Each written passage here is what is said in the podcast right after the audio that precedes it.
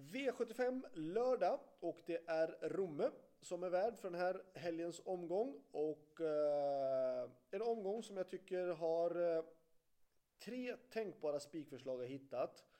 Uh, inte i dock i den första avdelningen, för den första avdelningen tycker jag är jättesvår. Jag tycker att den är väldigt öppen och jag tycker att det krävs en hel del streck för att vara säker på det hela. Uh, bäst häst kanske då nummer 8, Tully Bardine Bo är, men jag gillar inte att den har spår 8 eh, voltstart och då startar den då i rygg på nummer 1 och är då inlåst från start och jag tycker inte om det och därför tycker jag att man ska gardera på.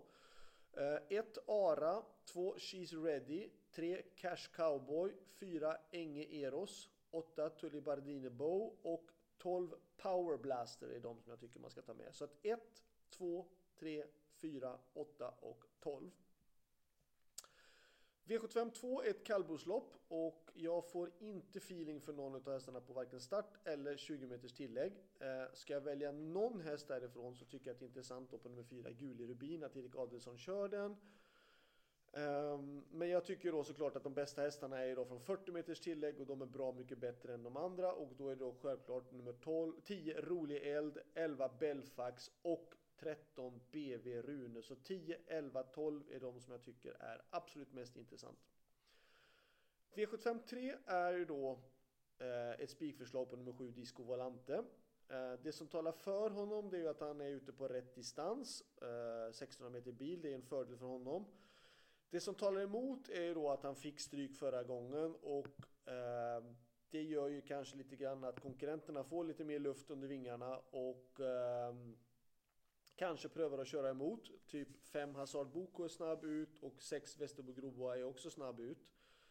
Och det gör ju att det kan bli lite positionsbekymmer för 7 Disco Valante. Nu tycker jag dock att Disco är, om han är som han ska vara, eh, och som han har varit så, så vinner han ändå oavsett position tror jag. Men vill man gardera på så är det då 5-6 eh, och även då kanske 3 sinnigt brick om det skulle bli ett alltför överpacat, alltså för allt för hårt tempo så skulle det kunna gynna Sirit Brick för han är normalt sett en mer medeldistansare eller långdistanshäst men 1600 meter bil och bra tempo, ja då kan han komma och slå av många till slut. V75 4 är mitt andra spikförslag. Eh, jag tycker att det är en väldigt fin häst och kapabel häst som haft lite otur. Eh, och det är nummer tre, Seolit. Ehm, den hästen kunde stå, han har inte gjort många starter men kunde stå med väldigt mycket mer pengar på sig. Till exempel näst senast då var han ute i Margareta-serien. Och då var det alldeles för dåligt tempo, han spurtade jättebra. Ehm, jag tycker att det är en fin häst och han har ett bra utgångsläge. Ehm, för mig är han en tänkbar spik faktiskt. Det är klart att motstånd saknas inte. 5D Day Set är ju en jättefin häst och den är också mycket mer sträckad. 4 Again Kronos eller 12 Global Above All. Det är absolut jättebra hästar emot. Men om Ceolit är sådär bra som, som jag tror att han kan vara, eller bli, så tycker jag absolut att det är en tänkbar spikförslag. Um, um, så det är så. Uh, och värst emot är då 5, 4, 12. V75 5 Eh, stor favorit, nummer 5, Algot Sonett och eh, befogad. Han har ju varit fantastiskt duktig. Eh, jag väljer dock att gardera. Jag tycker att nummer 3, Global Undecider, är eh, en fantastiskt bra häst och gått jättebra och mött minst lika tuffa motståndare, eller tuffare motståndare än vad Algot Sonett har gjort. Och Algot Sonett är ju upp i klass. Ehm, så att, eh, eller har kommit upp i klass väldigt fort. Och eh, därför så tycker jag att Global Undecided, nummer 3, 4 Donners Am och 5 Algot Sonett är de som jag tycker är mest intressant. Kanske det är ett lyxstreck med nummer 4 Donners Am, men jag tycker ändå, ja, som sagt om två ska träta om det så kan en tredje vinna och då tycker jag att det är intressant med 4 Donners Am. V75 6. Ehm, jag tycker att det är väldigt intressant med, jag läste på spelvärde, då skulle det stå norsk huvudlag på nummer ett, Pappa Jonnys Ilse och det kan jag tycka att det är superintressant. Eh, sen att det är Örjan som kör gör det också jätteintressant. Ehm, sen tycker jag nummer fyra, Donna Leonora är bra. Ehm, sex Smaragd Norrgård går väldigt bra från just ledningen. Och sen då från 20 meters tillägg då mm, 11 Valborg Marje kan, och hon gör väldigt bra lopp emellanåt.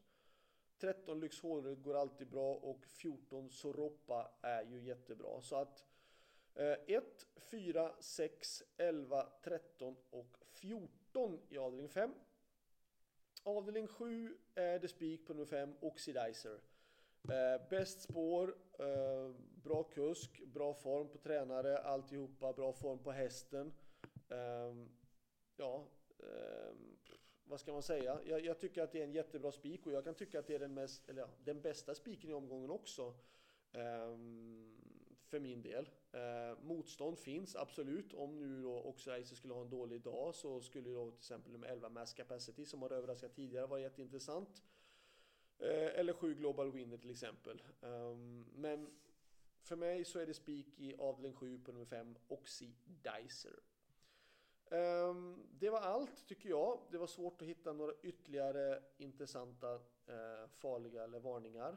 Um, och jag tycker att det finns då tre bra stycken bra spikförslag och det är då ändra i tredje avdelningen nummer 7 Disco Valante eller då ett mer jäv, eh, vågat drag då i avdelning 4 nummer 3 Zeolit och det säkraste draget tycker jag ändå i den sjunde avdelningen nummer 5 Oxidizer.